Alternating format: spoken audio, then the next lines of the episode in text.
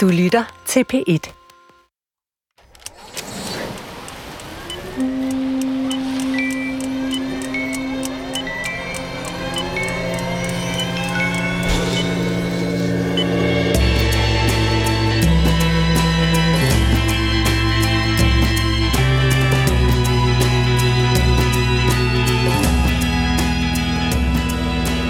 Må ikke vi alle sammen har prøvet det? Det der med at få et kig ind i en fremmed og helt anderledes sjæl.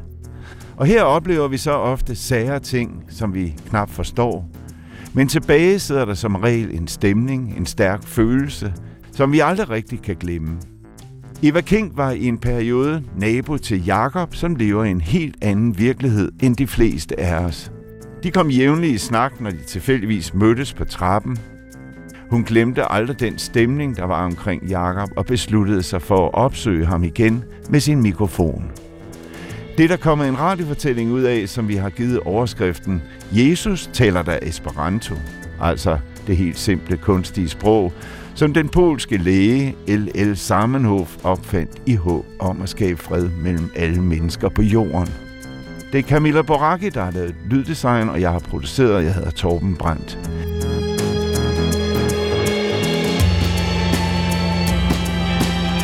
God lytning af Eva Kings radiofortælling. Jesus taler der Esperanto.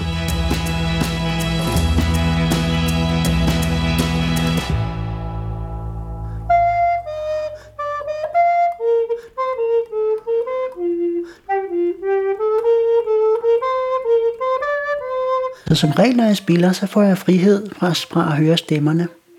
Så på en måde, der sætter musikken mig fri for, for min plage. Jeg har lavet hundredvis af melodier.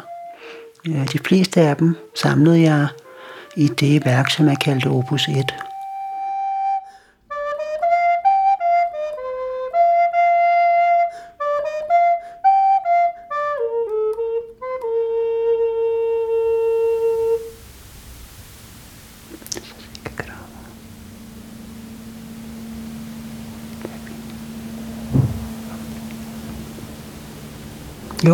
det, det, siger noget til mig. Jakob, du er meget bedre til at lytte end eller nu. Det er meget godt, at du bliver interviewet. Ah, nej. Jeg ved ikke, hvor meget opmærksomhed jeg er interesseret i at give dem. Det kan godt tage længere tid. Det er lidt forskelligt. Almindeligvis, der vågner jeg. Jeg vågner måske første gang klokken 9. Der er så en stemme, der siger til mig, som regel, vær venlig at læse lektionen. Og det gør jeg så. Og så står jeg op og går på arbejde.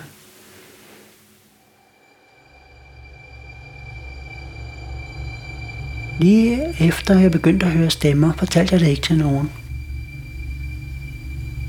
Jeg blev bare mærkelig.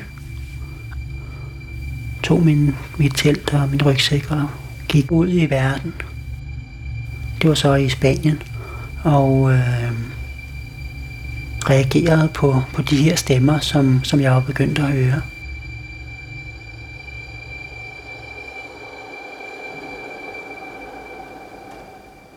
Altså det står ikke for mig som en særlig ulykkelig periode.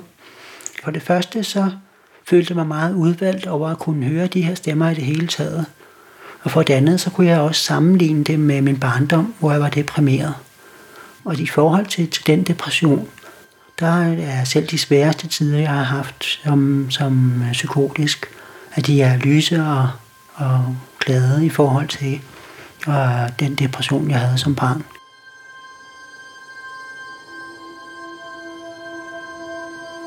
Jeg var svært deprimeret i min barndom. Jeg havde fået at vide, at øh, man kun lever et liv, og at vi alle sammen skal dø på et eller andet tidspunkt alligevel. Og derfor kunne jeg ikke rigtig finde nogen mening med at være i live, når jeg vidste, at, øh, at vi alle sammen skulle dø alligevel. Og så havde jeg nogle omstændigheder. Øh, jeg blev drillet, både af min bror og, og af dem hen i skolen. Nogle af børnene hen i skolen. Jeg tror ikke, det var værre end hvad alle andre oplever. Men jeg havde ikke kapacitet til at klare det. Så jeg var meget deprimeret. Og det gjorde, at, at jeg ikke rigtig følte mig lykkelig i min barndom.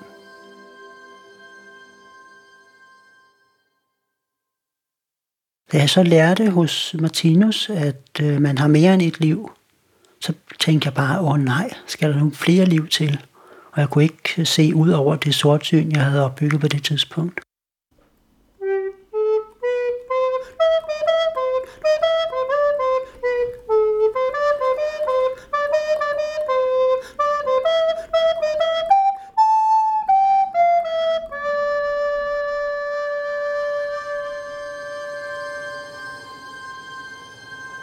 Jeg kan ikke huske, hvad for nogle dage vi var hos far og mor, men, men vi flyttede i hvert fald rundt, sådan så vi enten en uge i gangen boede det ene sted, eller tre dage ad gangen, eller fire dage ad gangen boede det ene eller andet sted. Men ja, det var egentlig ikke noget problem for mig at acceptere, at mine forældre ikke boede sammen. Men jeg var meget vred på min far i mange år efter, at jeg blev voksen fordi han ikke øh, formåede at gøre mig lykkelig som barn. Jeg var bange for ham. Bange for, at jeg ville blive skældt ud af ham.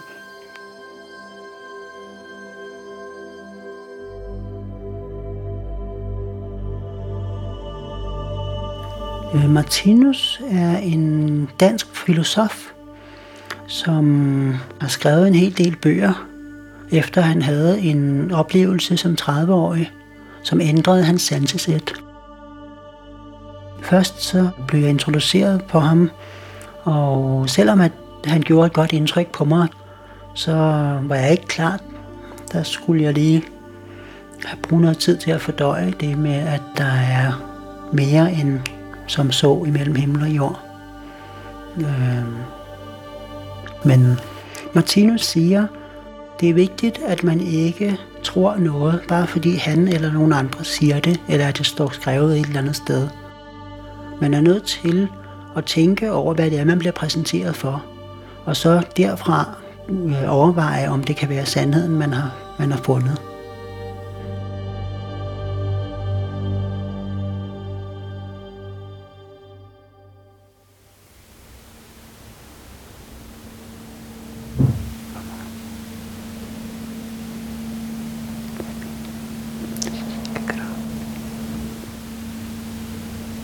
Hvis jeg holder mig beskæftiget med noget, en eller anden aktivitet, så har jeg fred. Det, det er mere, hvis der er en lang pause, eller kortere pause kunne det også være. Men en pause i aktiviteten gør som regel, at jeg begynder at høre stemmer, eller at de henvender sig til mig, eller hvad man skal sige.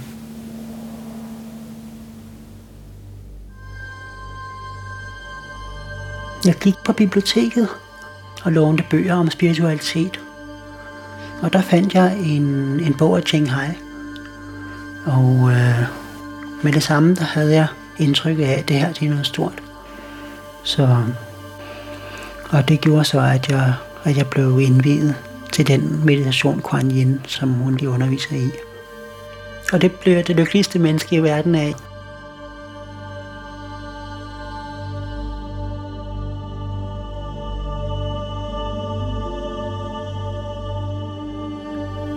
Jeg var på en meditationslejr i Spanien, hvor vi, vi mediterede og hørte Ching Hais ord. Øh, hun var der også selv. Og indimellem de forskellige øh, sessioner, som hun holdt, der mediterede vi også på egen hånd. Og det var under en af de her meditationer, at jeg første gang begyndte at høre stemmerne. Det var en relativt lille meditationshytte, jeg sad i en meditationsstilling og lyttede. Så hørte jeg lige pludselig den her stemme, som sagde til mig, jeg kontrollerer dig. Og så grinede jeg af den, fordi det, det er sådan langt ude. Selvfølgelig gør den ikke det.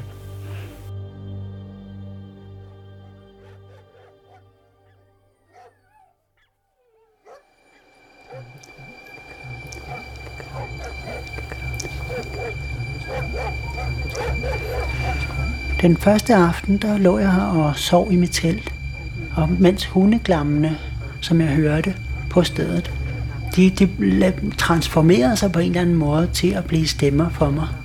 Så når en hund gøde, så kunne jeg høre, hvad det var, den sagde med, med, med det glam eller gøen. Hvad var det, de sagde? Det var noget med, at de gerne ville, ville følge med mig. Og jeg fortalte dem, at jeg var på vej til Barcelona. Jeg havde fået penge af Shanghai til at, at rejse til Amerika for at, at hjælpe med at oversætte videoer af hende til, til dansk. Og det var det, så jeg gik hen til lufthavnen. Jeg spurgte dem, om de havde nogen billige billetter. Hvor til, spurgte de. Hvor som helst, svarede jeg. Og så var det, de sagde, at de havde en billig billet til Skotland for 100 euro. Og der ja, kom jeg så til, til Skotland den dag. Sov på et øh, vandrehjem.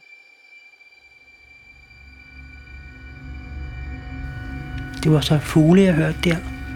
Det med, at der er dyrelyde, som bliver lavet om til, til stemmer, der siger noget til mig.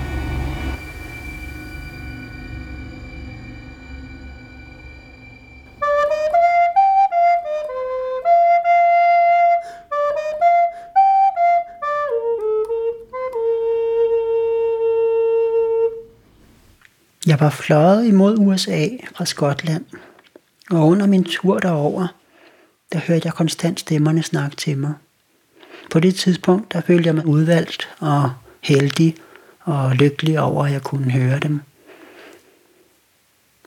Øhm, jeg havde siddet og tænkt sammen med dem. Øh, de kan jo høre mine tanker, så jeg snakker ikke som sådan til dem men de kommenterer på min tænkning, og så tænker vi sammen. En af de ting, som der skete, det var, at de ville have mig til at tisse i bukserne. Jeg kan ikke huske, hvorfor det var, jeg skulle det. Og jeg kunne heller ikke gøre det, viste det sig. Men jeg prøvede på det. Og vi blev enige om, at jeg var for strengt opdraget til at, at kunne det. Ja, ja det var en værre historie.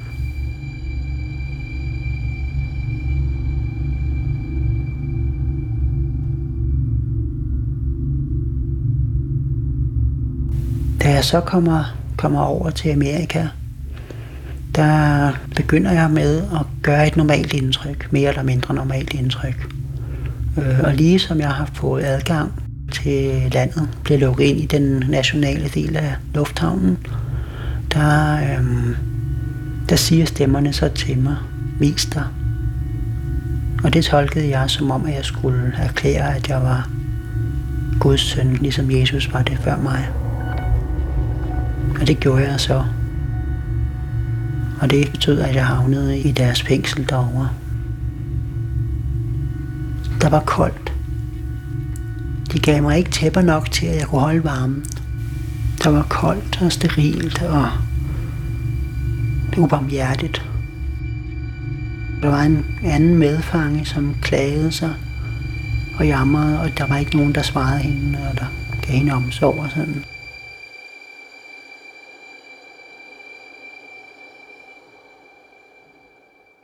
Så kørte de mig tilbage til lufthavnen med til det næste fly til Skotland. Og der blev jeg så indlagt den første indlæggelse, hvor jeg var i en uges tid inden der kom nogle danske læger og eskorterede mig tilbage til Danmark.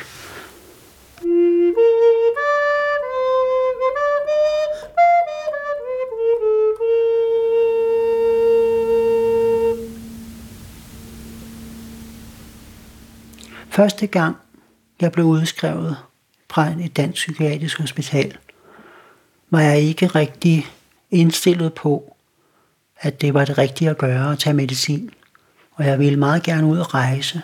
Jeg havde den idé, at jeg gerne ville til Tyskland, men der ligger en stor yogaskole, som jeg forestillede mig, at jeg kunne bo på som en karma-yogi. Og det kom jeg også. Så helt psykotisk har jeg ikke været. Men jeg havde jo også lige fået en medicinering med fra hospitalet.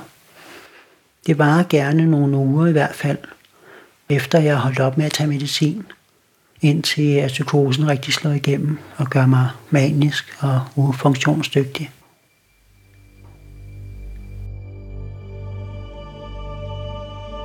De har en flot bygning dernede. Den ligner nærmest en pyramide med sådan nogle store terrasser ovenpå. Og så øh, fik jeg et måltid mad. Jeg havde lækker mad.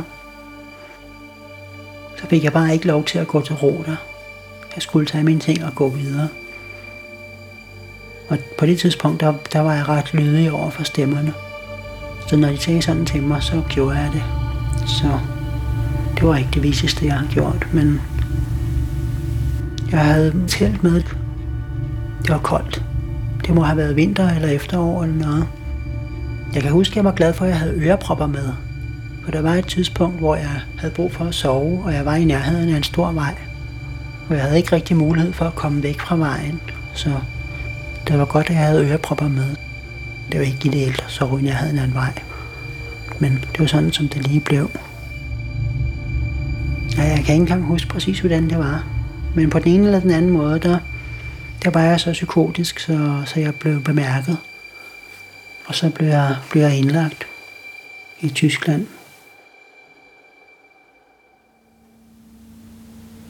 Tankestrøm.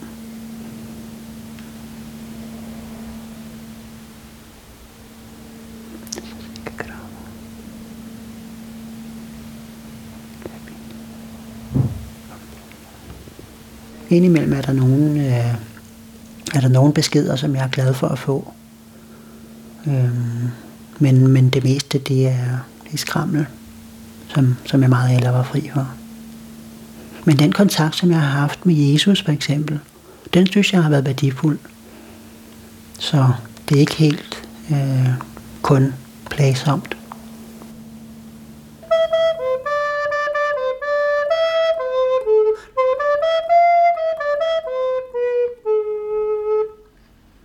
Efter en anden af mine udskrivelser herhjemme, der havde jeg besluttet mig for at blive vandringsmand.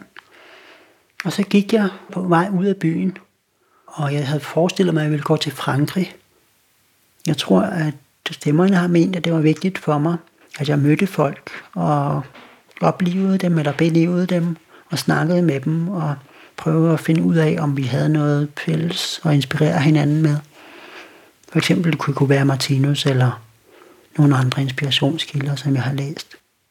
Egentlig så synes jeg, det er en god ting på en måde, fordi jeg kan godt se, at de gode gerninger, som jeg får gjort, når jeg, når jeg er psykotisk, de overstiger i nogen grad, hvad jeg er i stand til at gøre i mit normale, øh, generte selv.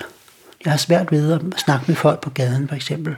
Når jeg er psykotisk, så er det bare, at du skal snakke med ham, og han skal smile, når du går. Det var altså noget med målrettet gå efter at komme hen og snakke med vedkommende. Ikke på nogen måde give dem indtryk af, at jeg kunne være ligeglad med dem. Og ved at opsøge det og snakke med dem, så øh, gør man energimæssigt et godt indtryk på dem, fordi øh, jeg i virkeligheden tror, at det er usundt for mennesker ikke at give hinanden opmærksomhed, når vi ser hinanden. Og det er et af vores samfunds svagheder at vi er tvunget til, på grund af, at vi er så mange, ikke at gøre gode indtryk på hinanden, når vi ses. Ja, jeg mødte jo en del mennesker. Så fortalte jeg dem, jeg er en vandringsmand, og jeg har besluttet mig for at gå til Frankrig. Og så spurgte jeg dem, om de var lykkelige. Har du fundet lykken, eller er du glad? De fleste svarede ja, og så spurgte jeg dem, hvordan de gjorde. Og så skrev jeg ned i min notesbog, hvad de gjorde for at holde sig glade, og hvad deres teknik var og sådan.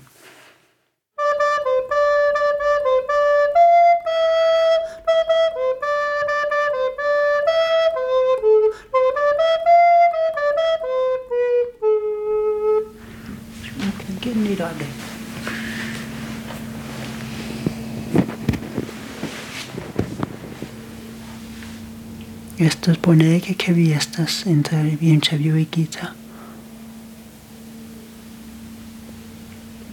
Estas boneca que vi comprenas el lingo.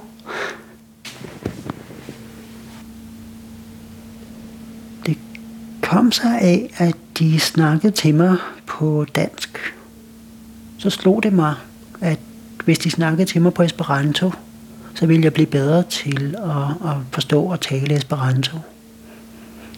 Og så kom ideen til mig, at jeg kunne da forlange, at stemmerne snakkede til mig på Esperanto. Og begyndte at tænke mere på Esperanto, end jeg gjorde i forvejen. Det var ikke noget problem at undervise stemmerne i Esperanto, fordi de kender hele mit aktive ordforråd. Øh, så hvis jeg vil, kan jeg bare sige til dem, at de skal tale Esperanto. Og så har de øjeblikkeligt adgang til alle de ord, jeg selv kender på Esperanto. Men der er stadig mange af dem, som starter sætninger på dansk til mig, hvortil jeg ofte siger Esperant lingve bonvolo, og så skifter de til Esperanto, og Esperant lingve bonvolo betyder vær så venlig.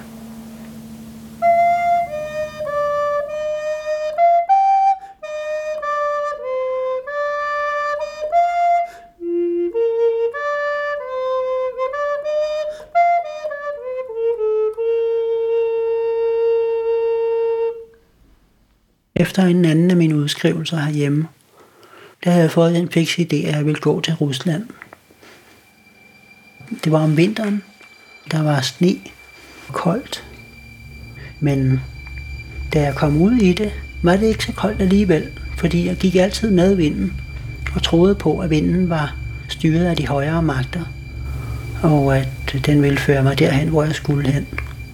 Så på den måde, der havde jeg altid enten medvind eller ingen vind. Så det var ikke så koldt for mig alligevel. Det var en S-togstation, jeg var ved. En af dem nede på banen imod Køge. Der er sådan et sted, hvor man kan gå om bag ved en lille bakke. Og der lagde jeg mig til at dø. På den ene side ville jeg gerne dø. På den anden side, der arbejdede jeg med mine tanker og sagde til mig selv, jeg kan ikke fryse. Jeg kan ikke lide noget. Jeg kan ikke fryse. Gentog og gentog jeg til mig selv. Forståelse og tanke har et forhold til hinanden, som ja, bliver ret så nært beslægtet, når man lever sådan, som jeg gjorde med at høre stemmer. Det virkede faktisk i nogen grad. Sneen rundt omkring mit hoved, den smeltede. Men tre tæer, de var ikke tilfredse. Resten af min krop blev øh, måske ikke varm, men i hvert fald sådan tilpas. Men tre tæer, de frøs og ville brokke sig. Men den tanke med at dø, den, den forlod mig igen. Og ja, lige præcis hvordan det var, jeg kom til hospitalet, kan jeg ikke huske.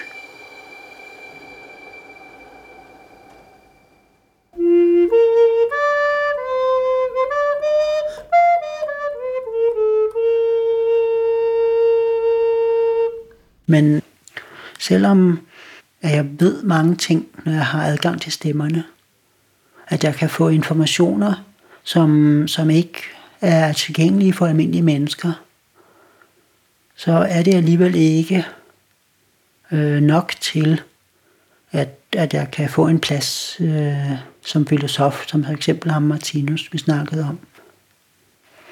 Han havde også adgang til en hel masse viden, som almindelige mennesker ikke har adgang til. Først og fremmest vil jeg gerne helbrede mig selv. Jeg har håb i hvert fald. Håb om, at ja, at jeg kan blive lige så rask, som jeg burde være. Esperanto betyder en, der håber.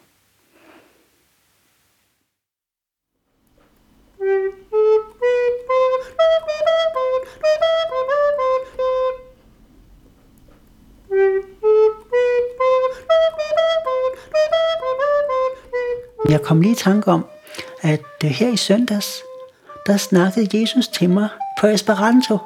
Han fortalte, at det var vigtigt, at jeg, at jeg snakkede med folk i S-toget. Høre, hvordan de har det, og måske få dem til at blive interesseret i noget af det filosofi, som jeg går og læser.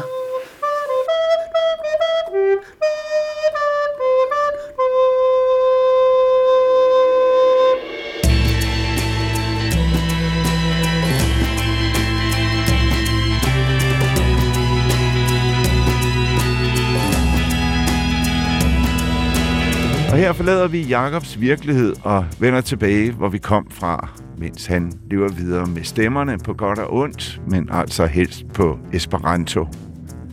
Og det var Eva King, der havde talt med Jakob, og Camilla Boraki, der lavede lyddesign. Vi er tilbage med en ny radiofortælling om to uger på FM Net og podcast, men i mellemtiden er der jo masser af radiofortællinger at bolde sig i på dr.dk. Har du selv oplevet en dramatisk historie med et twist, eller kender du nogen, der har, så tøv ikke med at skrive til radiofortællinger snabel dr.dk, hvor ædet staves AI. Tak for nu, siger Torben Brandt. På behageligt genhør.